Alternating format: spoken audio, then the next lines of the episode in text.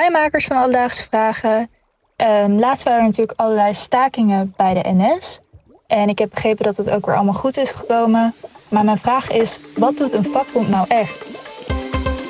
Alledaagse Vragen. NPO Radio 1. BNN Vara. Podcast. Met Merel Wielaert en Aaron de Jong. Dankjewel Femke uit Den Haag voor je vraag. En inderdaad, na flink wat stakingen heeft het NS-personeel eindelijk een doorbraak in de CAO-onderhandelingen voor elkaar gekregen. Merel, heb jij ooit gestaakt? Nooit gestaakt. Nooit? Nee, zeker niet. Maar ik, eh, ik had. Nee. Ik ben wel van protesteren en zo. Ik, ga wel, ik laat wel mijn stem horen als ik iets on- onrecht vind. Maar eh, gestaakt? Nee. Nog nooit. Ik Jij? Ben, na één keer bijna, maar Hoe kan je nou bijna staken? het was toen ik op de middelbare school zat, toen was er die volgens mij 1040 uren norm. Dat eh, je als een leerling Mhm. zoveel les moest hebben. En ook gingen heel veel leerlingen gingen daarvoor staken. Maar ja, brave Hendrik als ik ben, durfde ik dat niet. Dus ik Je, zat durf, je durft niet te staken. Nee, ik zat met eh, drie anderen in de klas, terwijl de rest buiten zat te protesteren.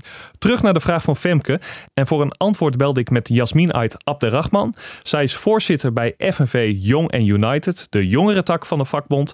En zij is al een aantal jaar bezig om de sociale en financiële positie van jongeren te verbeteren. De aangewezen persoon dus om te vertellen wat een vakbond nou echt voor je doet. ja, een vakbond die onderhandelt eigenlijk namens werknemers met een werkgever.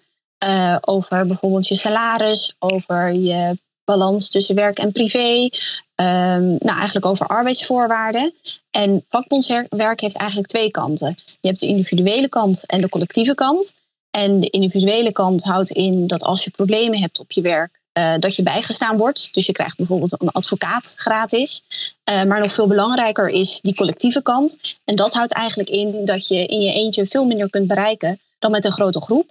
Eh, en dat je je daarom moet verenigen door bij een vakbond lid te worden. Jasmin zegt dus dat je in je eentje veel minder kan bereiken dan wanneer je dat samen doet. Maar ik vroeg me af, iedereen in Nederland heeft een stakingsrecht. Dus waarom maakt het dan zoveel uit of je alleen gaat staken of met een groep? Als je aan een onderhandelingstafel zit en de werkgever die weet van, nou, er is misschien 3% van mijn werkvloer lid van een vakbond, dan weet hij ook van, nou, zal ik daar niet zoveel van merken.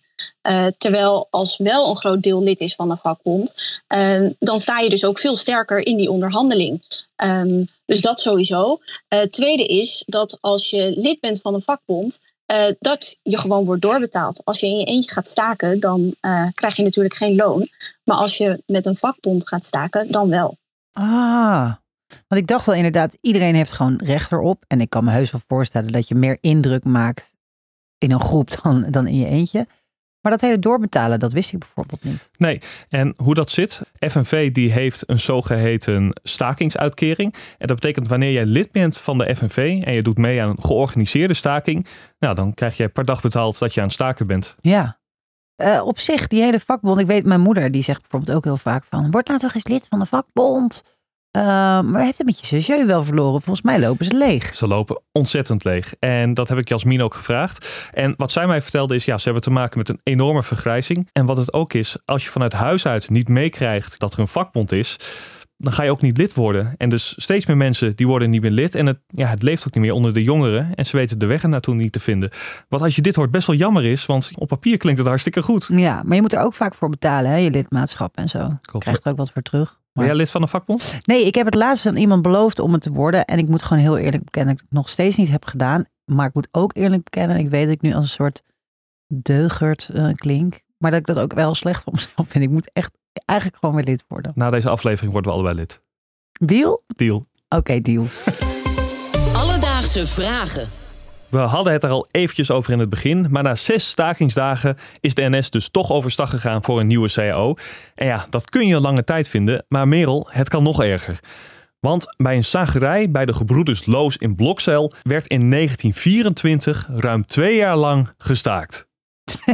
jaar. Twee jaar. Twee jaar. Ja, dat is niet meer staken. Ik vind Nee. trouwens wel vet dat er een zagerij in Blokzeil stond. Stond inderdaad, want die is er inmiddels niet meer. Nee, na die twee jaar begrijp ik dat wel. Die stakers zijn allemaal ontslagen.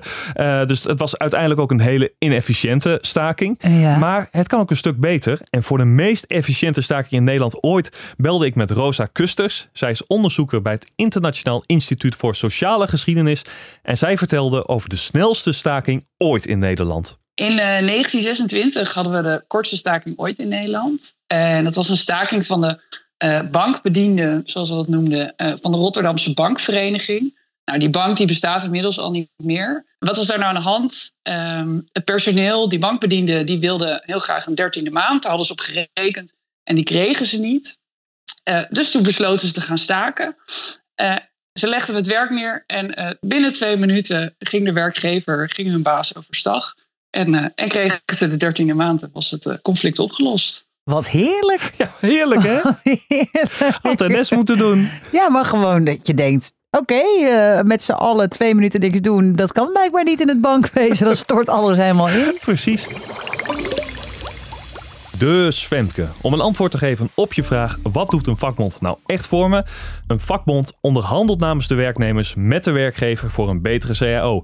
En omdat de werknemers binnen zo'n groep verenigd zijn, heeft dat vaak veel meer succes dan wanneer je zoiets in je eentje doet. Wel is het zo dat steeds minder mensen lid zijn van de vakbonden, ja, en dat daardoor toch hun invloed wat kleiner wordt. En heb jij ook nog een vraag? Stuur ons dan een berichtje op Instagram. Dat kan naar Alledaagse Vragen of stuur een mail naar alledaagsvragen.radio1.nl en we zoeken het voor je uit. Alledaagse vragen. NPO Radio 1. BNN Vara. Podcast.